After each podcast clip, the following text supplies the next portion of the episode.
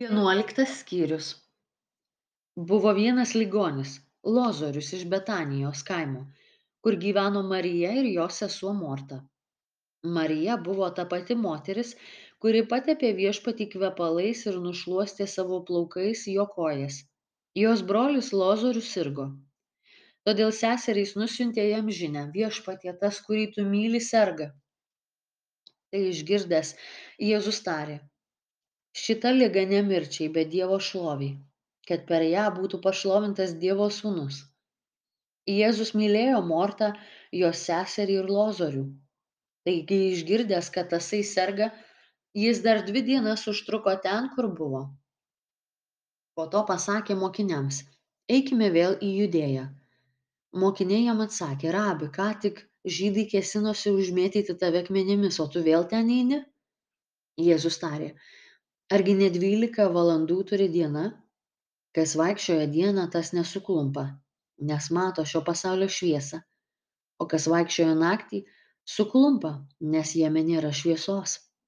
Tai pasakęs pridūrė mūsų bičiulis lozorius užmigo bet aš einu jo pažadinti. Jo mokiniai atsiliepė viešpatie jeigu jis miega pasveiks. Tačiau jėzus kalbėjo apie jo mirtį o jie manė, kad jis kalba apie polsio miegą. Pagaliau Jėzus atvirai jiems pasakė, Lozorius mirė. Ir aš džiaugiuosi, kad ten nebuvau, dėl jūsų, kad tikėtumėte. Tad eikime pas jį. Tuomet Tomas, vadinamas dviniu, tarė kitiems mokiniams, eikime ir mes numirti su juo. Atėjęs Jėzus rado Lozorių jau keturias dienas išgulėjus į kapę, o Betanija buvo arti jeruzalės. Maždaug penkiolika stadijų atstu daug žydų buvo atėję pas mortą ir mariją paguosti jų dėl brolio.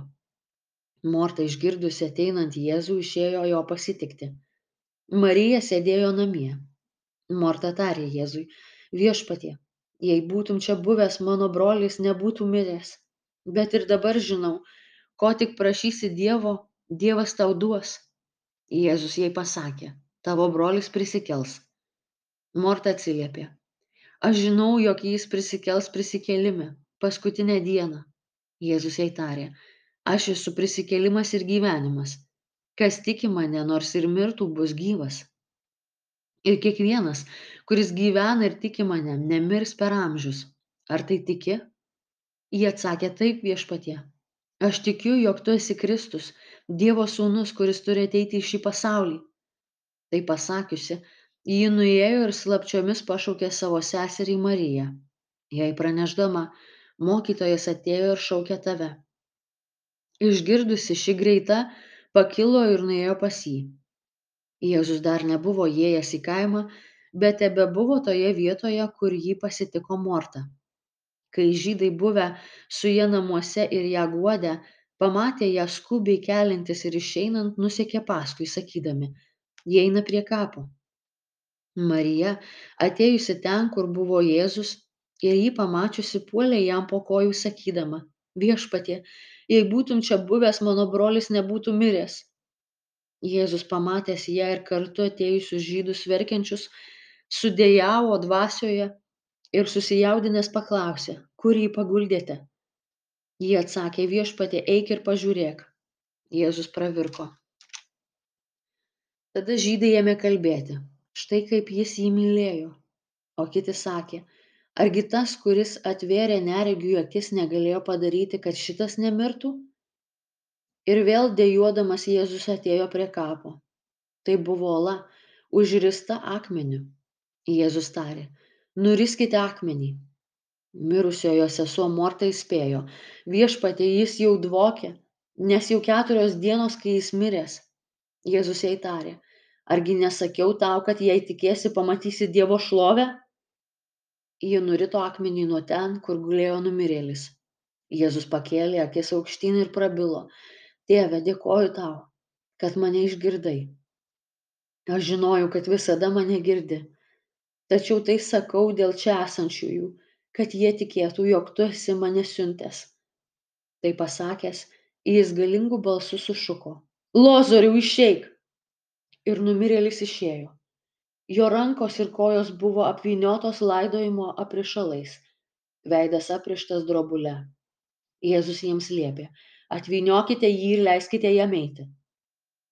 Daugelis žydų, kurie buvo atėję pas Mariją ir matė, ką Jėzus padarė, įtikėjo jį. Bet kai kurie nuėjo pas fariziejus ir pranešė jiems, ką Jėzus padaręs. Tada aukštieji kunigai ir fariziejai sušaukė Sinedrioną ir svarstė, ką darysime, šitas žmogus daro daug ženklų. Jei taip jį paliksime, visi tikės jį. Ateis romėnai ir užims mūsų vietą bei tautą. Vienas iš jų, Kajafas, tais metais vyriausiasis kunigas jiems tarė. Jūs nieko neišmanot. Ir nepagalvojote, jog mums geriau, kad vienas žmogus mirtų už tautą, o ne visa tauta žūtų. Jis tai pasakė ne iš savęs, bet būdamas tų metų vyriausiasis kunigas, pranašavo, jog Jėzui reikės mirti už tautą. Ir ne tik už tautą, bet tam, kad suburtų į vieną išsklaidytuosius Dievo vaikus. Nuo tos dienos jie buvo nusprendę jį nužudyti.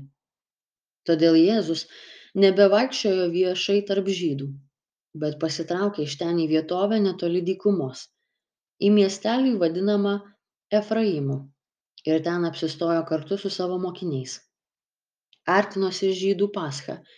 Daugelis iš viso krašto prieš paschą atėjo į Jeruzalę apsivalyti.